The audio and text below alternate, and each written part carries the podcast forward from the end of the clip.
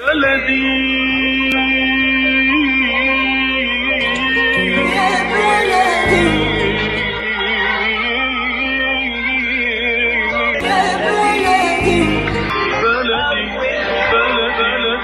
وسهلا بكل الذين ينضموا للاستماع إلى راديو بلدي اول راديو عربي أمريكي ويعنى بقضايا العرب في المهجر.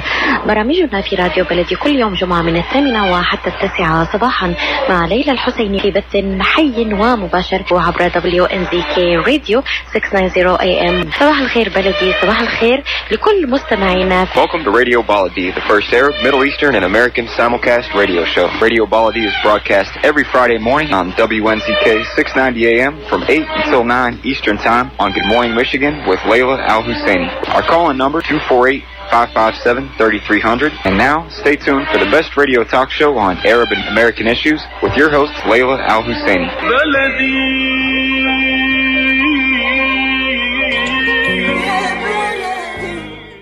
Good morning and thank you for being with us. This is Khalil Hashim, editor of YamMichigan.com. This show is brought to you in cooperation between YamMichigan.com and US Arab Radio. Yeah, Michigan is the fastest growing digital business magazine serving the Arab American communities in Michigan. US Arab Radio is one of the largest ethnic radios in North America, reaching millions of listeners in 13 states and the Middle East. Before we start the show, I would like to take this opportunity to thank our founder and uh, the president of US Arab Radio for giving us this opportunity to reach out to you today. This is a beautiful day. Today is Friday, April 16th, 2021, and the fourth day of Ramadan, the month of fast, the month of mercy and giving. The weather is a bit cold and cloudy here in Michigan, and we are here to answer your questions as we discuss fasting and its benefits. Uh, in the second half of the program, we're going to be talking to Dr. Shama about the vaccine, fasting, and fertility. That's going to be uh, the the second part after after eight thirty. The number here is 248-557-3300. Give us a call should you have any questions or comment. Uh, as you well know, fasting includes ample benefits and challenges. Uh, for those who are not familiar with what Muslims do during this month, they fast from dawn till dark and they abstain from eating and drinking and drinking water, smoking, and other activities. That can be resumed after dark, but this is the challenge to for, for them, presented for them uh, for, to, to do for a month. Uh, and Muslims follow the lunar calendar and, and starts it started on the 13th and will end pretty close to the 13th of April uh, of May or the 12th, depending on you know sighting the moon and other factors. When it comes to fasting, as I, as I mentioned before, includes ample benefits and challenges. How can we do it while reaping the most benefits out of this great month? Uh, we asked our friend uh, Richard Jordan from all the way from Saudi Arabia to be with us this morning. Good morning, Mr. Jordan. Good morning, Khalil. How are you? Good, good. How are you? How are things in Saudi Arabia? Good. It's uh, it's not cold like you said it was in, in where you are, but it's uh, it's it's very nice. It's a lovely Friday, and just uh, right now, about right now, I'm getting my caffeine headache. Sounds good. Sounds good. Uh, you know, uh, Mr. Jordan is a health and wellness consultant and a corporate wellness specialist. Uh, uh, designs employee wellness initiatives and facilitates cultures of wellness that enrich the lives of the employees along with their families. He is passionate about the parallels between Islam, Islamic lifestyle practices, and modern holistic health sciences. Uh, before we start, uh, how did you end up in Saudi Arabia, and uh, how did you become a Muslim? And uh, and and wellness. yeah, it's a great So- combination. Yeah, thank you. I, I will uh, just briefly. Uh, my, yeah. my family, my, my parents, my me and my sister, we, we all came here in 1977 originally, and from the United States. I'm from Miami, Florida, and um, uh, Miami, and Saudi Arabia started the same thing, right? Yeah, yeah. So weather-wise, where I am anyway. So uh, yeah, we came here uh, over 40 years ago, and on and off, I've been living here, back and forth from here in the United States all my life. Um, that's how it initially happened, and in my in my teenage years, as I began studying religions and studying comparative religions, Um, and I, I, actually was sent back to the United States to go to high school. I went to an all boys Catholic school. So I, I, immersed myself in a lot of different uh, paths trying to find uh, the right uh, answer. And the one that made the, the one that uh, spoke to me the most was the was Islam. And, and so when I was 19, I, I said the Shahada and, and that's, uh, yeah, that's the, that's the backstory. Welcome. Yes. Wonderful. Wonderful. And how, how did you get into wellness? Uh, I've been I've been uh, active and in, in, I wouldn't say I'm, I'm, not much of an athlete, but I've been exercising and I've been in martial arts. But I've you know been exercising since I was a kid and never stopped. So I've always been interested in in physical fitness. But I was just like many people, which I'm sure we'll kind of talk about today.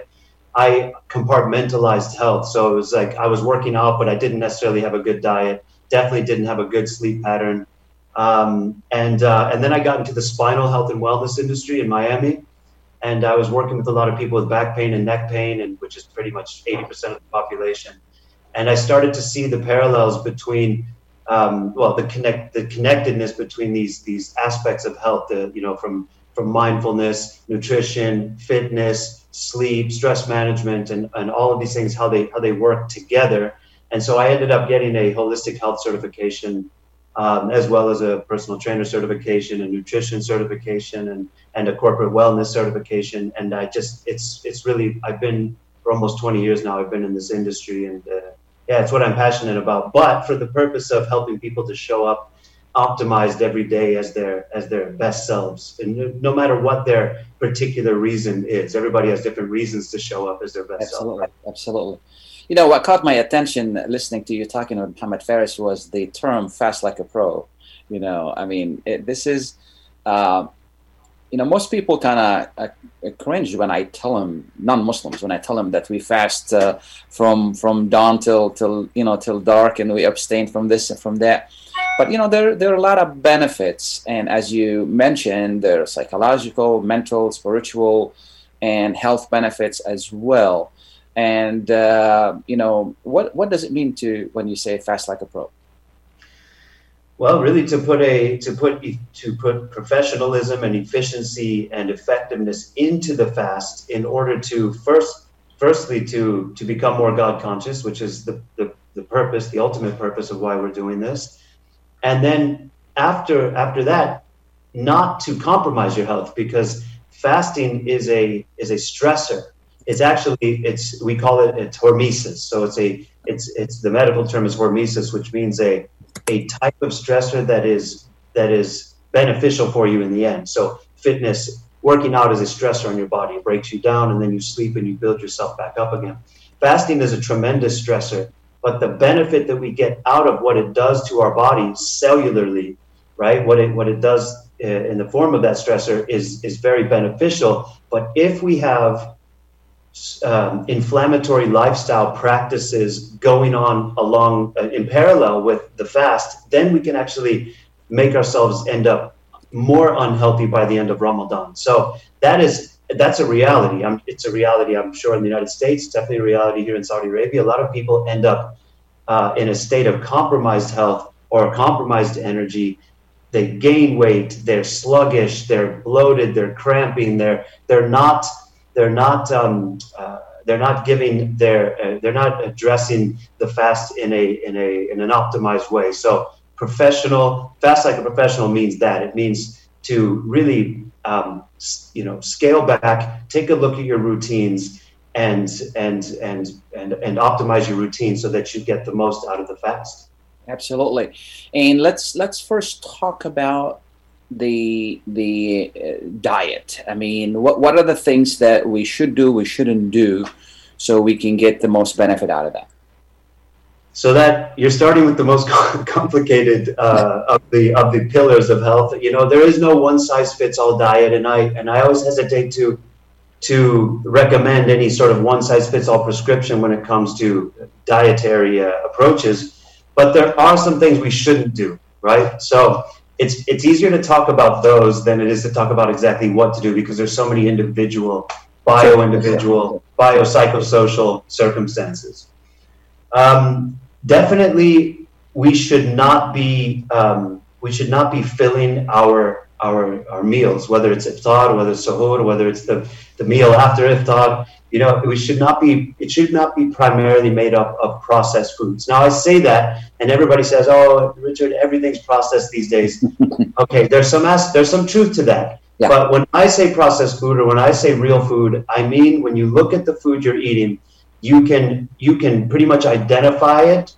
You can identify where it came from right? Like it looks as close to its original source as possible with very few steps between the time it was harvested or slaughtered or whatever the, the whatever the type of food is and the time it got to your plate. So, uh, you know, refined, stripped down rice, refined, stripped down flour, sugars, um, and lots of additives, preservatives, and and things like that. They kind of should be the foods you eat maybe 20% of the time, not 80% of the time. Sure. You should be filling your diet with with fibrous, colorful vegetables that you can identify came you know from the from the ground, from the tree to your plate. Uh, animal protein that's you can identify it as as what it is, um, and and healthy fats. So. I, I would say that that's if, if you're eating things that come out of packages, boxes, wrappers with ingredients lists on them, that's where you want to start. And it's it's that simple. Like if you can if you can make sure the majority of food didn't come with an ingredients list in a box package or wrapper you're going to have a lot of success. But yeah other than that you don't want to you don't want to belly bomb yourself right after iftar we're all hungry and we and we eat a lot faster than our body can tell us that that we're full. So it requires mindfulness. And i, I tell people put down the utensil between bites. Um, take a deep breath take a minute to breathe before you eat and really commit to the notion of of, um, of chewing your food uh, enough to be and, and not just just eating mindlessly and then your satiety signals don't have enough time to tell you that you're full. And then you, you can't eat one third for your food one third for your water one third for your breath. By the time you're finished eating your iftar you're completely uncomfortable cramping bloating and, and uh, nobody wants that absolutely. Um, what I do is I and and and as, you know, please let me know if this is a good practice or not. I can use myself as an example. When I when I break, uh, uh, you know, uh, iftar in the uh, uh, fast in the in the evening, first thing I do is I drink a little bit of water, warm water, and then uh, one piece of date, and then I go do the prayer. I take about 10, 15 minutes then I came back and I start with soup and salad. You know, I try to pace myself as much as possible. And you're right, sometimes, you know, it's the habit of just we want to eat. But, uh, you know, is that a good practice or should we start with hard food immediately? No, I love I love what you're doing. I think that hydrating a little bit and not even not too much, right? So like you're having a yeah. little bit of warm water, that's yeah. great. Some people they chug water. It's not a good idea right after uh, right after fasting and being minerally depleted. But yeah, some water, some warm water, a date. That's amazing. Um, and um, and for those who like coffee, maybe a little bit of caffeine, and um, and then um, and then and waiting a little bit of time, and then having a little bit like scaling it up a little bit, having some soup. That's a great idea, and a little bit of food. Or alternatively, have a, have a few dates, have some water, and and maybe maybe some soup right there, right right when you break your fast, something light, and then try to wait an hour to, or, or try to wait strategically to eat a good balanced meal before uh, Salat al-Isha and, and Taraweeh, because that would be an amazing time to, to have a proper, responsible meal, right? A lot more than what you had to break your fast. And then you're going to be standing, you're going to be praying, inshallah, for, for long enough to where that, that amount of movement will truly help you to, to digest and give the food that you've eaten a purpose. Like in other words, you're gonna you're gonna use it as energy. You're gonna shuttle it into your muscles for future stored energy and not necessarily store it as body fat. Absolutely. What we're gonna do, uh, uh, Richard, we're gonna take a short break for commercial, and we'll be right back. Please stay tuned. While we've been staying safe at home, scientists have been on a journey. The destination, a COVID 19 vaccine. This journey began decades ago with research into other coronaviruses. Scientists built from there with months of research and development, cooperation with other experts worldwide, and clinical trials on tens of thousands of volunteers of diverse race, age, and health status. They arrived at a safe, effective vaccine, and hundreds of thousands in Michigan have already been vaccinated. But the next step is ours. We need to get the vaccine when we can Keep wearing masks correctly and taking precautions until we reach our destination freedom from COVID 19 and getting back to the lives we love. Discover the facts for yourself at michigan.gov slash COVID vaccine. A message from the Michigan Department of Health and Human Services. Kashat's Mediterranean Market in Shish Kebab offers a great array of your favorite Mediterranean meals. Meals range from lamb specialties, shawarma sandwiches, and seafood dinners. Plus, they offer big trays of your favorite food and so much more. Kashat's Mediterranean Market and Shish Kebab is located at 32839 Northwestern Highway in Farmington Hills and is open from 9 a.m. to 9 p.m. So stop in or call Kashat's today at 248 538 9552. That number again, 248 538 9552. Kashat's Mediterranean Market in Shish Kebab will definitely leave you satisfied. At Top Rehab Physical Therapy Clinic in Dearborn, we provide effective physical therapy sessions in order to limit pain and discomfort. Top Rehab provides physical therapy care for any diagnosis prescribed by a physician, and we regularly see and treat conditions such as stroke, TMJ, fibromyalgia, sciatica, joint pain, and more. We use a variety of pain management methods, including modalities, soft tissue mobilization, and therapeutic exercise. If you're in need of physical rehabilitation or physical therapy, get the highest quality health care at Top Rehab. Most insurance is accepted and we're open Monday, Wednesday, and Friday 8 to 6, Tuesday and Thursday 8 to 5, and Saturday 10 till 2. Call for an appointment today at 313 846 0555. That's 313 846 0555. Choose Top Rehab Physical Therapy Clinic on Michigan Avenue in Dearborn. Life's too short to be in pain.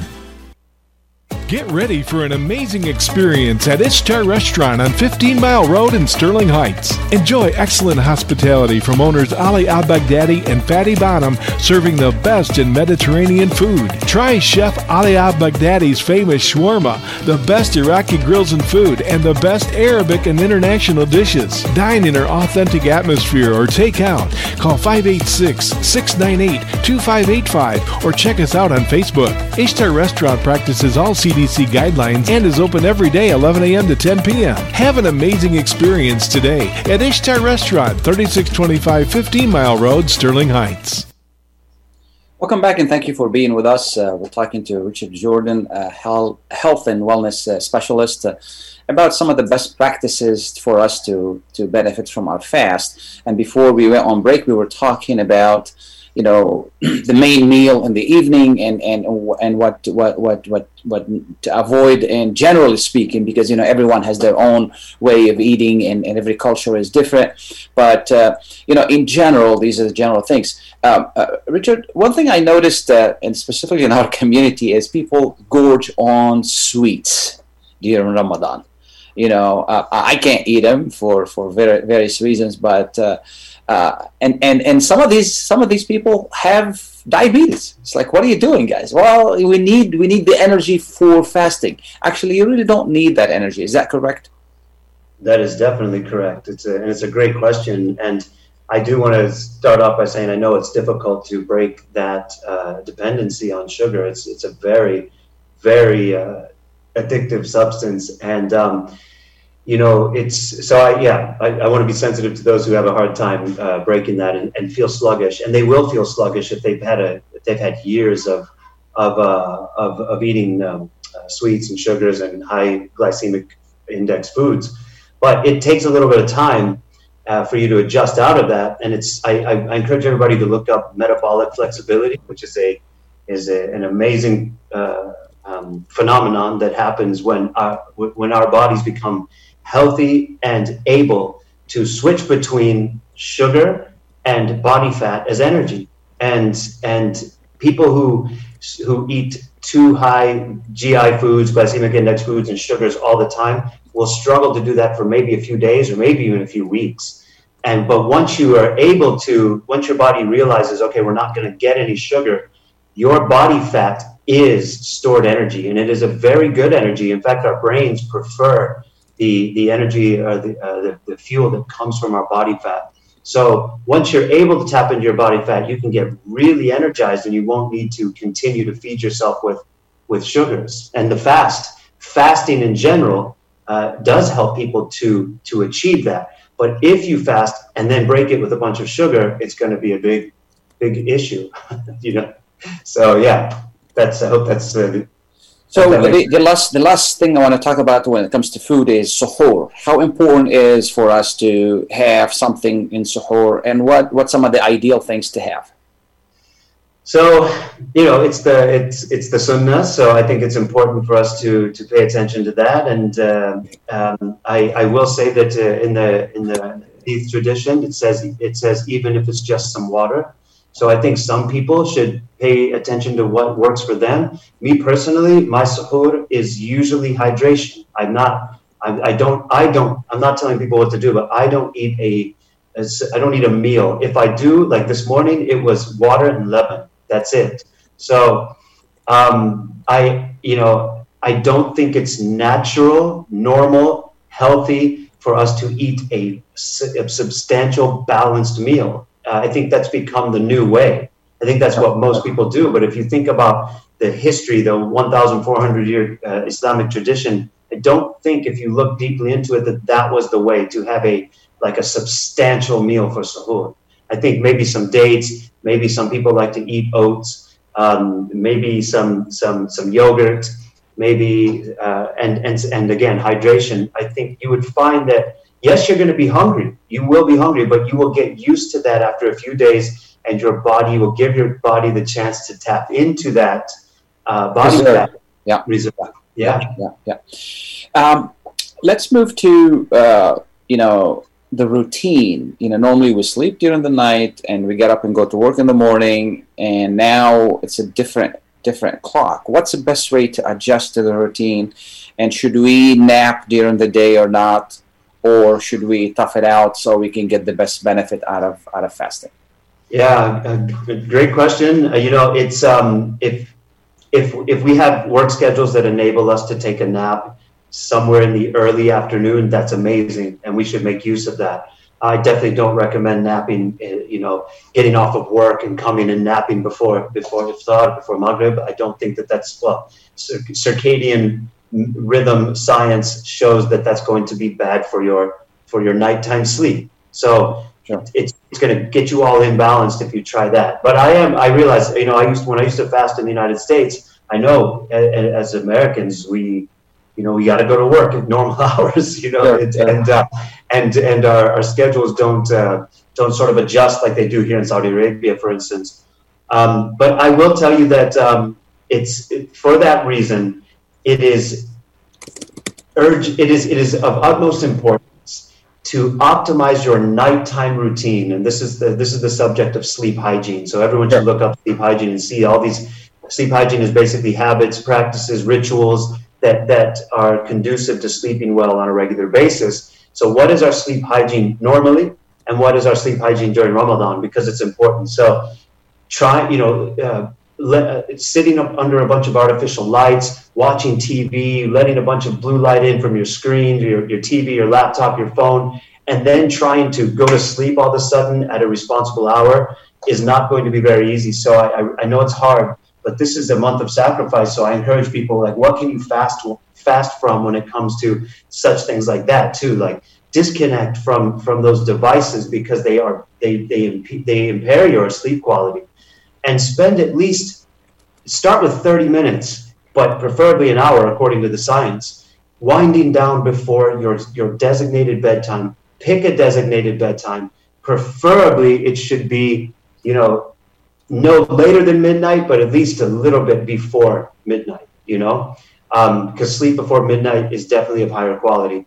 And yes, we're going to get less sleep. Last night I slept for four hours, woke up for suhoor, and had my water and my leban and all that. And and then after after prayer and after fajr, I, I slept for a, a, a couple more hours. That's the best routine. It's the best you can do. But if you can get the more sleep that you can get in the nighttime dark block, is going to be more restorative, more high quality sleep cycles than if you try to sleep too long into the morning or stay up too late and sleep too long into the morning. You're going to have bad performance in your day. you're going to have brain fog. You're going to feel groggy. Uh, you might even have, you'll have hormonal disruption. There are all types of things that Absolutely. Last time you mentioned something, uh, and and it really, uh, um, I, I, from my experience, I find it very important, which is the more sleep we get before midnight, the more restful I am. At least I found out. I used to be a night owl, and now I don't do that, and have been. I've changed about a couple years ago, and I found out that you know I sleep. I go to bed around 10, 10.30, and the more sleep I get before midnight, the the the more energetic I am the next day. Is, is, yeah, that, well, is that correct? Yeah, it is correct. And your example that you just gave of yourself, where you said, I used to be a night owl, that's really important to focus on because there are a lot of people who say, I'm a night owl, I've never been a morning person. That is usually just someone's way of admitting that they have a sleep imbalance, right? Yeah, because yeah. you can fix that. And you fixed it, right, Khalil? You yeah, fixed it. Absolutely. So fixing that is is essential for your health. Sleep is the foundation of health. All the other pillars stand on the foundation of sleep. If you don't sleep on a regular basis, you will not achieve optimal health. So yes, the sleep before midnight is of greater quality sleep for, for deep sleep. And if you go to sleep around 10, 30, 11, you have the opportunity to get good slow wave deep sleep cycles, which repair us physically. And by 2 a.m., generally, you would have hit a deepest level of REM. You'll get into deep REM sleep where you repair yourself psychologically. This does not happen outside of that zone. We are a species that are tied to nighttime sleep. It's just the way it is. Yeah. We uh, have a, a, Jerry on the phone. He has a quick question. Uh, Jerry, we don't have a lot of time. Please, uh, what's the question? Thank you, Khalil. Happy Ramadan, Kareem. Same to you. Uh, Khalil, my question to Mr. Richard Jordan. Mr. Richard Jordan, people with the diabetes, uh, during the fast, people who they take an insulin uh, twice a day or they take metformin tablets, how are we going to deal with the with the fasting with the low sugar in the body when you take the insulin and that don't you think that will reduce the sugar will cause the people for some health issue? I would love your answer and thank you and god bless you. Thank you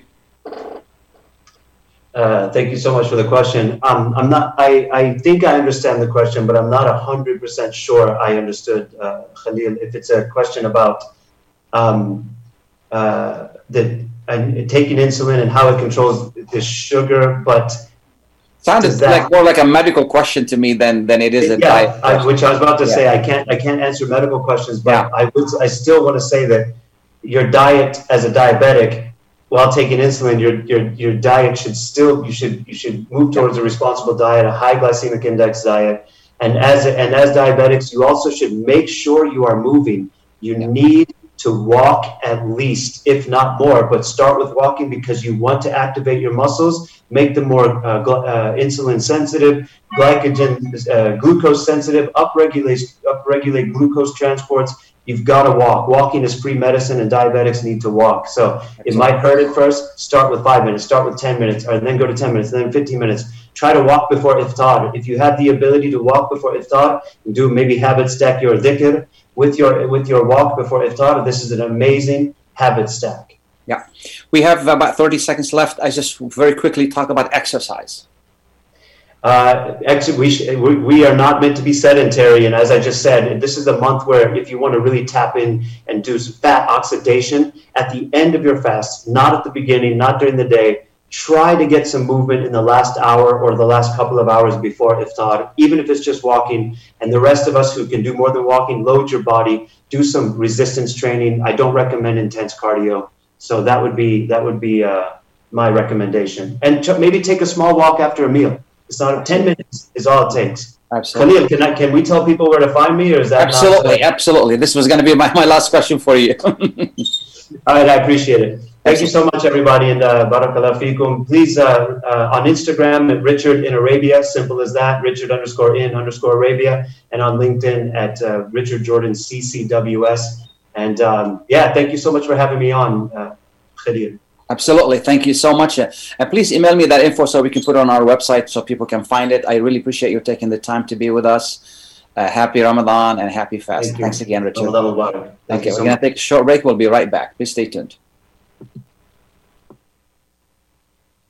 Wearing a mask is more than protection, It's a bridge to better days, the path back to celebrations with family,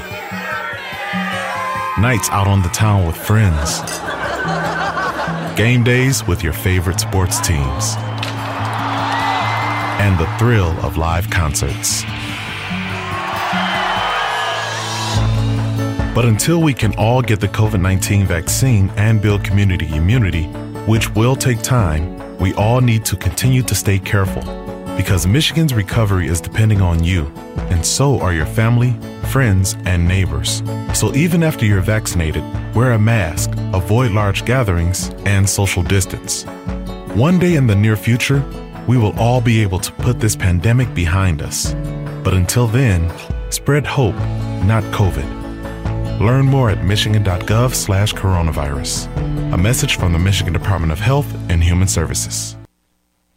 When you're looking for the best in optical care, Dr. Imad Nakash is your doctor to see. With years of experience and thousands of successful procedures performed, you can trust your eyes to Dr. Imad Nakash. See Dr. Imad Nakash and his professional staff for your eye care needs. There's two locations to serve you. In Hazel Park, call 248-336-3937. 248-336-3937.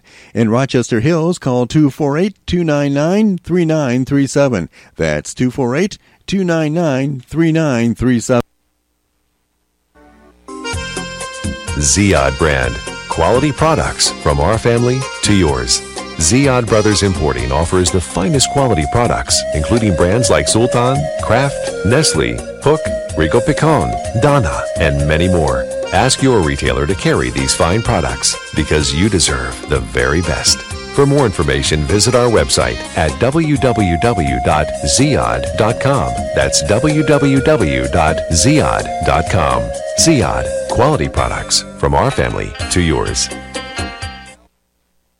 When it comes to reproductive medicine, IVF Michigan Fertility Centers are the recognized leaders. With locations in Bloomfield Hills and five other cities in Michigan and Ohio, IVF has experts in all aspects of the field. As a founding member of IVF Michigan Fertility Centers, Dr. Nicholas Shama is one of the leading reproductive endocrinologists in Michigan and Ohio. Dr. Shama has performed over 10,000 IVF cases and has helped thousands of couples fulfill their dreams of parenthood. American board certified in both obstetrics and gynecology and reproductive endocrinology and infertility, Dr. Nicholas Shama is a very caring, compassionate, expert physician that understands not only the medical but also the emotional toil of infertility on his patients. When it's time, get personalized care from Dr. Nicholas Shama at IVF Michigan Fertility Centers in Michigan and Ohio. Call toll free 855 952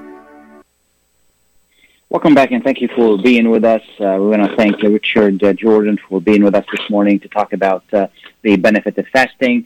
And we're going to move to a different subject now. And as more people are getting vaccinated for protection from COVID 19, the vaccine is becoming part of our lives, including those who, you know, some of us are, you know, trying for a child or pregnant or just uh, worried about future fertility. There's a lot of misinformation, you know, and uh, we asked uh, our, our, our, dear friend uh, Dr. Shama to be with us today to help us understand, you know, what is there anything for us to worry about? You know, how does the vaccine affect fertility and fertility treatment? Or and also, you know, right now since we are in Ramadan, does that really play any role in that? You know, Dr. Shama is a founding member of IVF Michigan Fertility Center and he's a, a, pioneer in reproductive medicine and infertility. He has performed more than 8,000 IVF cases worldwide and has more than 150 publications in the field. Good morning, Dr. Shama. Thank you for being with us. Good morning to you and to all your listeners, and happy Ramadan and fasting for all of those that uh, are fasting currently. Thank, thank you, thank you. We really appreciate it. We appreciate your kindness.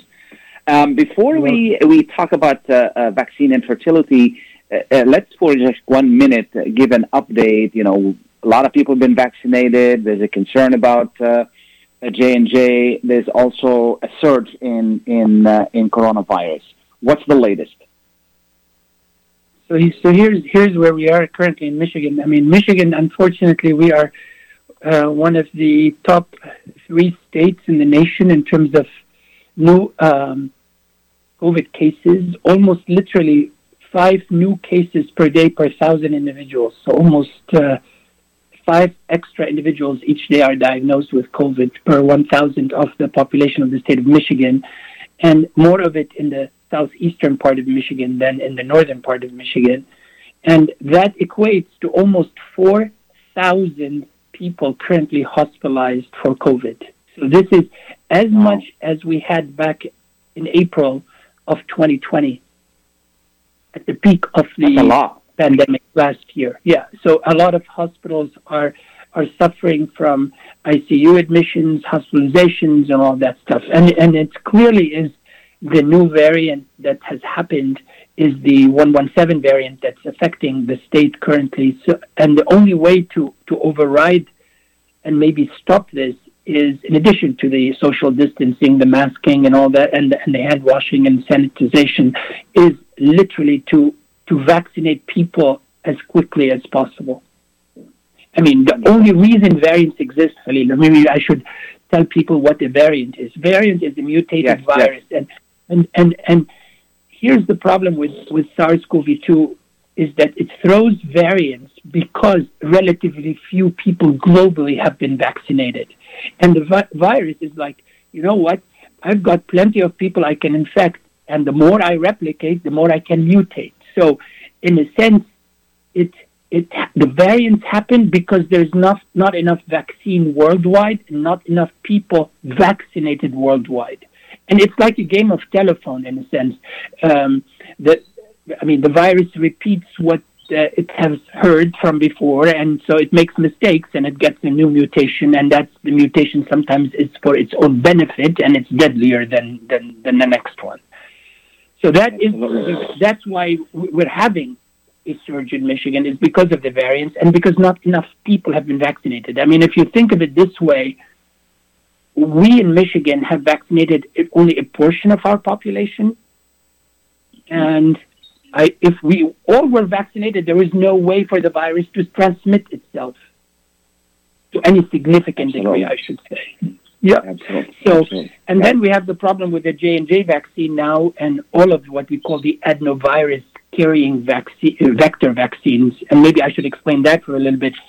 The J and J was a vaccine that was approved for emergency emergency use authorization by the FDA, and it uses a vector called adenovirus. Adenovirus is a, is a virus that causes the, I mean, infects us usually. It causes like a cold-like symptoms. So companies like J and J, like AstraZeneca, like uh, Sputnik, the Russian one. That uh, there there is another variant in in, in that is Chinese. Um, that's also a uh, a, a, um, a vaccine that uses adenovirus, and there's one in India too, but we don't have them here in the United States. But the bottom line of all those vaccines, apparently, they increase the risk of clot formation very, very unusual clot uh, formation in, in, in the brain and actually in, in the gut. So there was, and that's why the AstraZeneca vaccine was actually halted to some degree, was never offered emergency use authorization way back when. And then apparently the J&J vaccine, they had those uh, cases of clot formation in the brain, what we call cerebrovascular sinus thrombosis, and that caused, I mean, there were like seven, six or seven cases out of the out of I mean out of the you know few million people that have been vaccinated with the vaccine, but that equated to literally around a million, uh, one case per million over two weeks. So if you do it over a year, it's 25 cases over a year, which is substantially higher than what is expected in the United States per year, which is somewhere between three to seven cases per, per, per billion. And that's why yeah. the FDA yeah. said, well, no, wait a minute, let's hold on using the J&J vaccine. And in Michigan, remember, 200,000 people already took the J&J vaccine. So, sure, sure, so that is sure. why yeah. it was put on hold. But the other two vaccines, the Moderna and the Pfizer one, seem to be fairly well tolerated, and there doesn't seem to be an increased risk of such weird type of clot formation. And there is some rationale potentially of explaining why people develop clots with, with, with one caveat. Remember, people that get COVID are tenfold higher likely to develop clots because of COVID. And the spike protein apparently does something to, to, to platelets, platelet factor 4 in particular, and that basically spike protein, and maybe because of the adenovirus vector that had been used to, to chaperone the, the spike protein to our bodies in the J&J and the AstraZeneca one and the Sputnik uh, vaccine, the Russian ones, are the ones, because of the adenovirus being, you know, being around for a while and our bodies have antibodies against it, they developed antibodies against that platelet factor 4 to some degree, and therefore that is why those people are developing weird clots and maybe low platelets counts at the same time.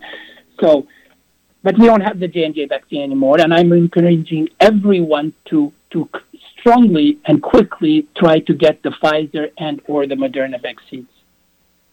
Absolutely.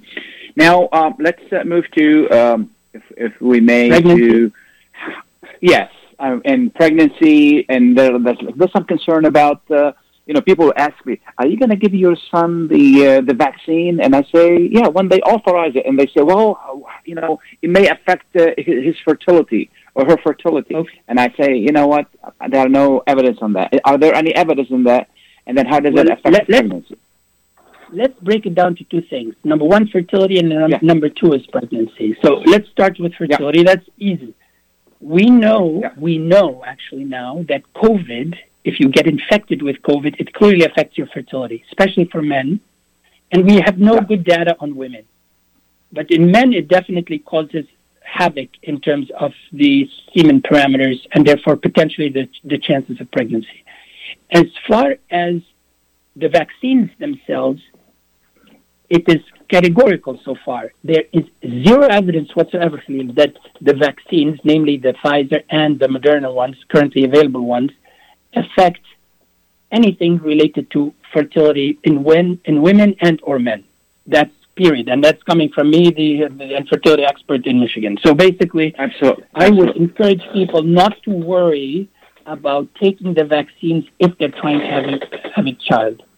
On the contrary, and that dovetails on the second part of the story, is because COVID is such a horrible thing for pregnant women, namely that they get hospitalized five times more, they get six times more likely to get to the ICU, and 25 times more of needing mechanical ventilation if they're pregnant. And more importantly, 60, 60 fold, six zero fold chance more of dying if they get COVID while pregnant compared to non, non, non pregnant women. We strongly urge everybody trying to conceive before they conceive or become pregnant, if they can, to take the vaccines that are currently available to everyone in the state of Michigan. So that is, and again, and it is a, a, an emphatic advice to people: please get vaccinated, especially people trying to conceive. Absolutely. So they should get vaccinated before they get they conceive.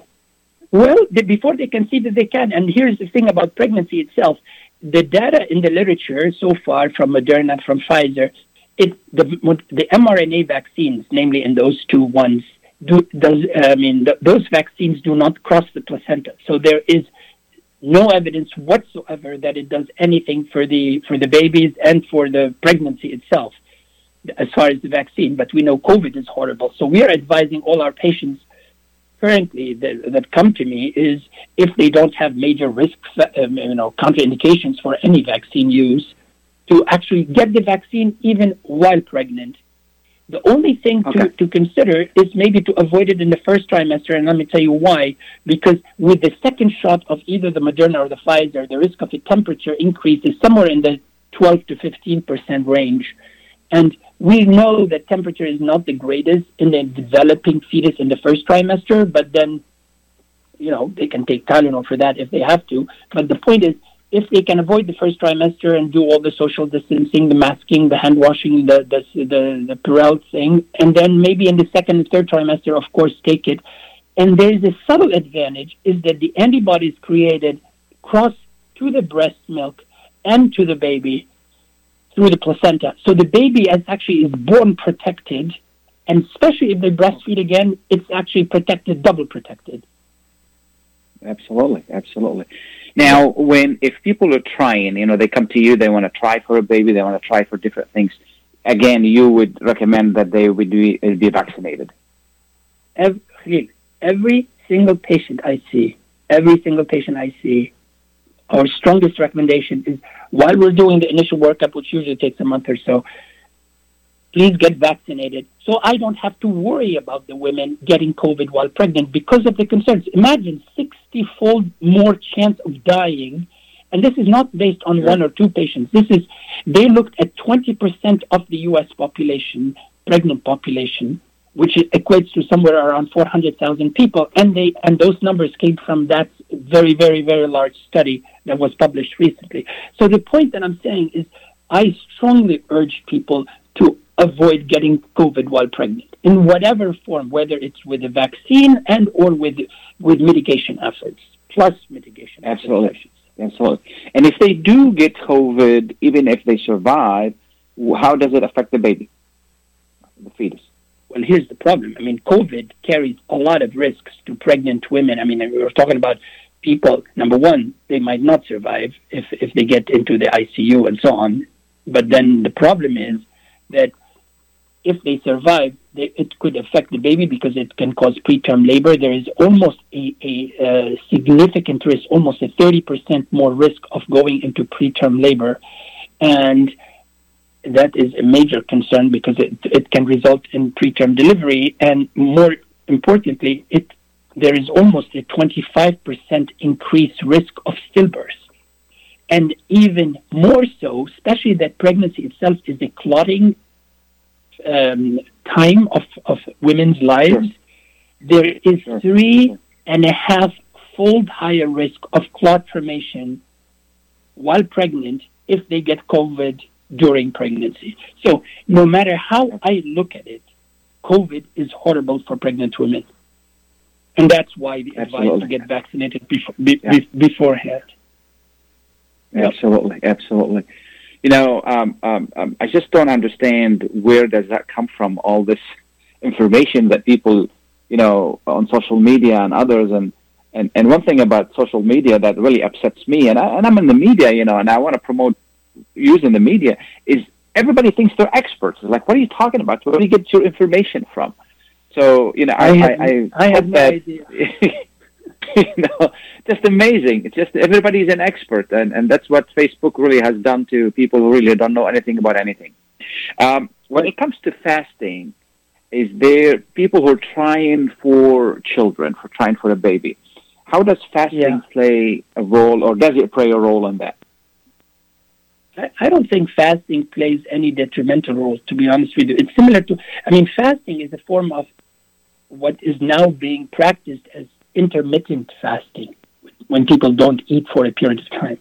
So I want to break it down to two, two, two, two parts. Number one is fasting, because you asked, I don't think it, it affects anything in terms of fertility.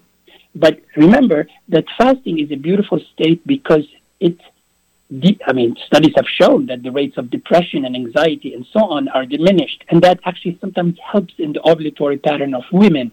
So fasting is a beautiful phenomenon that allows couples to come together, allows the depression, anxiety part of the story to, to become less. So that actually improves the chances of, I mean, it's a subtle but and a sort of insidious um, advantage, but certainly is there in terms of increasing the, the, the, the, chances of, of conception. And then there is the other part, which is basically if they come and see me and we're going and undergoing in vitro fertilization procedures or whatnot, here it is there are some studies to show that fasting doesn't really do anything negative, but the concern is the following for people like us. A lot of times, while taking all the hormones that we are that are necessary for in vitro fertilization, patients, women, become hypercoagulable again because they're they have an increased risk of clot formation because the estrogen is high. If you're basically dehydrated because of fasting, we're not talking about just fasting. We're talking about even not drinking. It can potentially yeah. exacerbate concerns related to the procedure itself.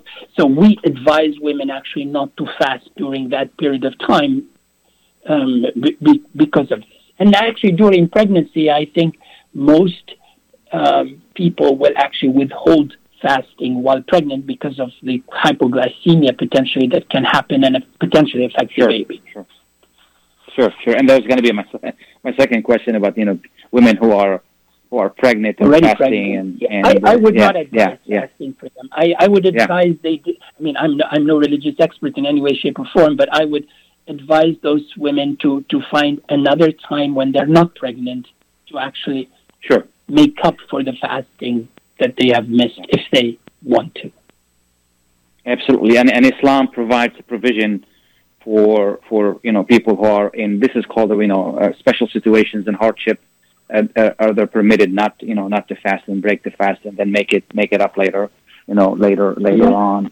And Um, fasting is such a beautiful thing, Khalil. It it allows cleansing of the body. It allows a reset of the mind frame in terms of, uh, you know, believing in heavenly powers and so on. Especially these days with COVID and, and loss and death and, and hardship. I- I mean, we need something to help us through this horrible time. Absolutely, absolutely. The psychological aspect, and you know, this is this is the last thing I was, uh, uh, you know, I want to ask you is, and the fact that whether it's a vaccination, whether it's fasting, with all that, uh, you know, trying for a baby is is is a taxing, uh, uh, uh, you know, process, and the last thing we want to do is worry about COVID and worry about things like that. So it's you know, for, to to go back to the vaccination, taking that vaccine you know relieves us from being worried about all of these things while we're concentrating on a baby. Is is, is that correct? Well, it is absolutely correct. So, vaccine helps us stay, helps women stay safe and stay healthy so that they can provide a beautiful pregnancy and allow a baby to develop.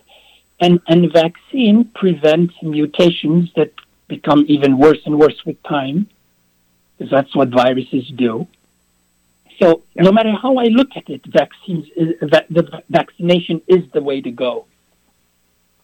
And I applaud the state what they're trying to do, and they were very quick to to stop the J and J vaccine and allow uh, the population to be able to get the other vaccines, and they got them in most uh, in most centers that are vaccinating people. Yes. namely the, the Yes. Pfizer and Yes. the Moderna one. Yeah.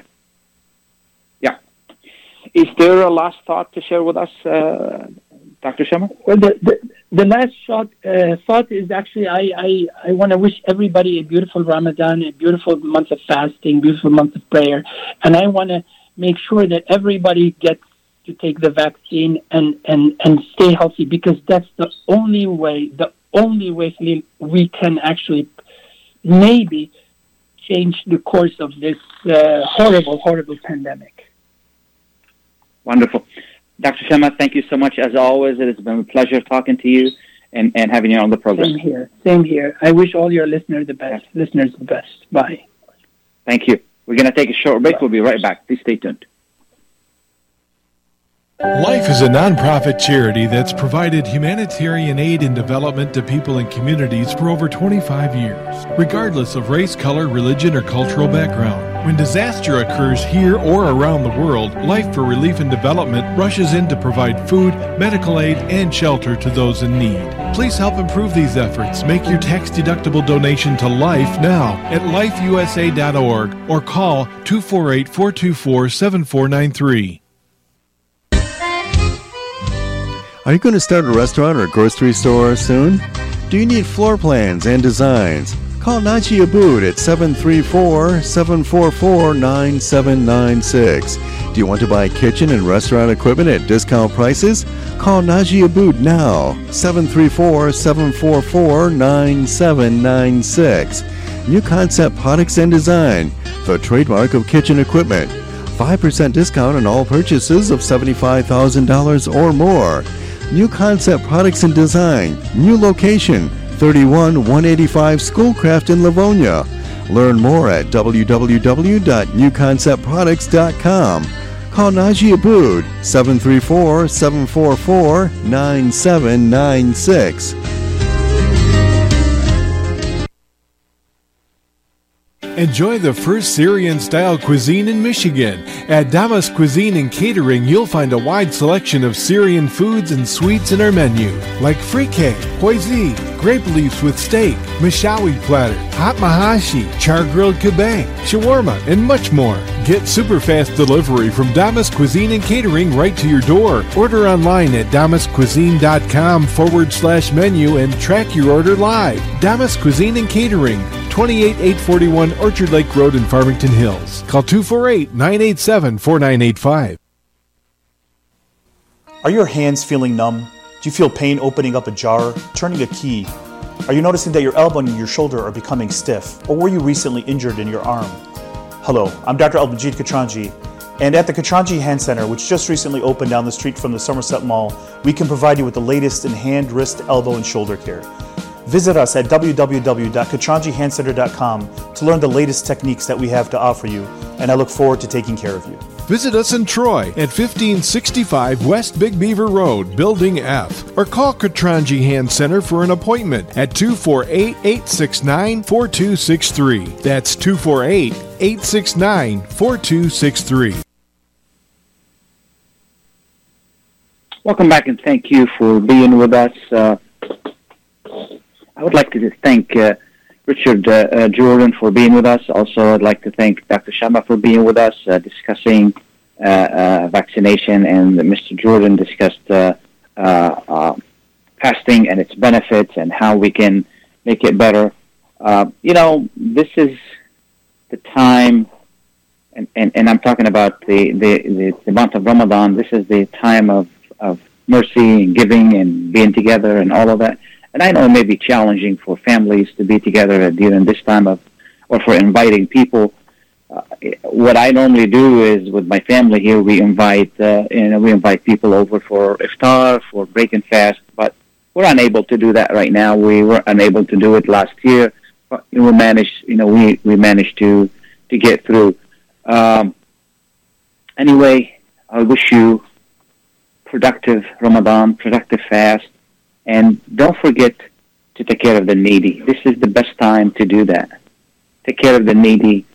And the, this is one of the essence of Ramadan is how we can take care of people who are less fortunate than we are and we can share. Sharing is a wonderful thing.